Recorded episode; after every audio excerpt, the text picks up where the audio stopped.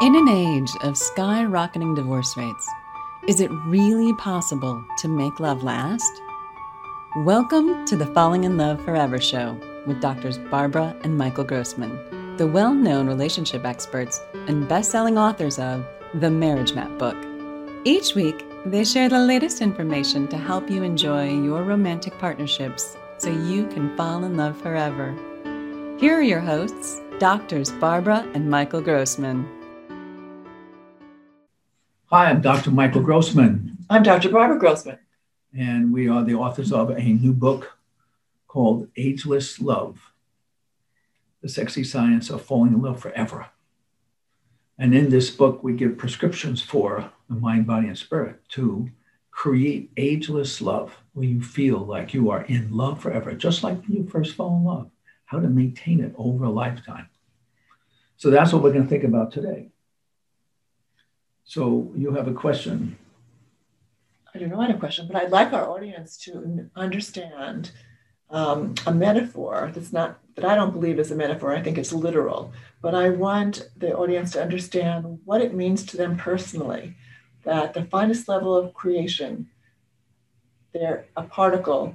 I mean, a wave is, can can become a particle under certain circumstances and what that might teach us for our, the opportunities for choices and how to react to, to interactions in our relationships.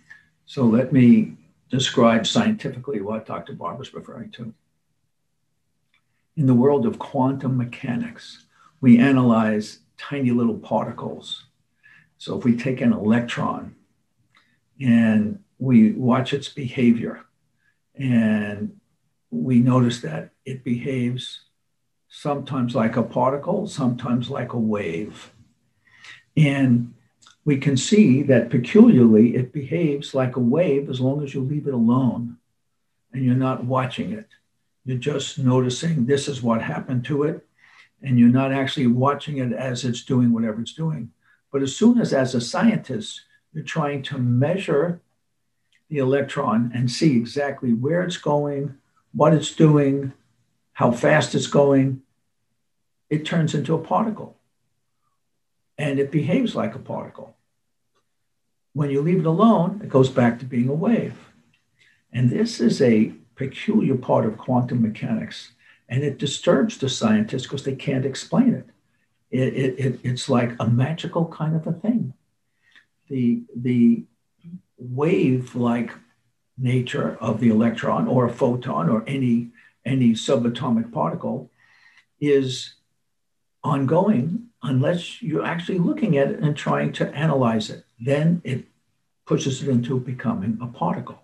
And this is what we call the, the peculiar wave collapse that is known in quantum physics. Well, and so what, what we notice is this is a perfect description of what happens in our lives, in our relationships. We're um, a wave when we're not stressed. We're a wave when we're with ourselves and everything is um, when we feel comfortable. We're a, a, wave when we feel in love and we're connecting and everything is sweet and fine. And as soon as you know a partner um, says something, or, or as soon as anybody says something to us that implies perhaps criticism or disappointment, and we feel um, we feel localized, we feel trapped in this description we collapse just like the wave collapses and becomes a particle. And we say there's something to learn um, in this metaphor about staying a wave. Because as a wave, you can listen. You can listen to the criticism of your partner or the complaints of your partner, and you can, uh, or the, or the complaints of your children for that matter. You can listen to anything if you remember that you're a wave. You have a choice about collapsing as a particle. I want you to know that because we believe that will infuse you with an awareness that will allow you to be present and loving to the people you love because um, they only want more from you. They're not really wanting to hurt you and collapse you. It's just a inevitable um, interactional pattern that um, that we do to ourselves because we feel bad when we let someone down or we feel we've shorted our own ourselves or not given our best. And so we we feel we just pull up and contract um, like a particle. And it doesn't help the conversation, it doesn't help our connection. And so um, uh, this is a really interesting um, metaphor that comes to us from the most advanced physics of our day. And this quality of moving out of your wave like nature and becoming a particle is what you experience when you feel negative emotions such as fear, such as anger, such as um, uh, loss, hurt, resentments, um, all kinds of upsets that localize you and make you feel like somebody is is is hurting you, attacking you, squeezing your your your your personality down and criticizing you. When you're a wave, you just let things go through you.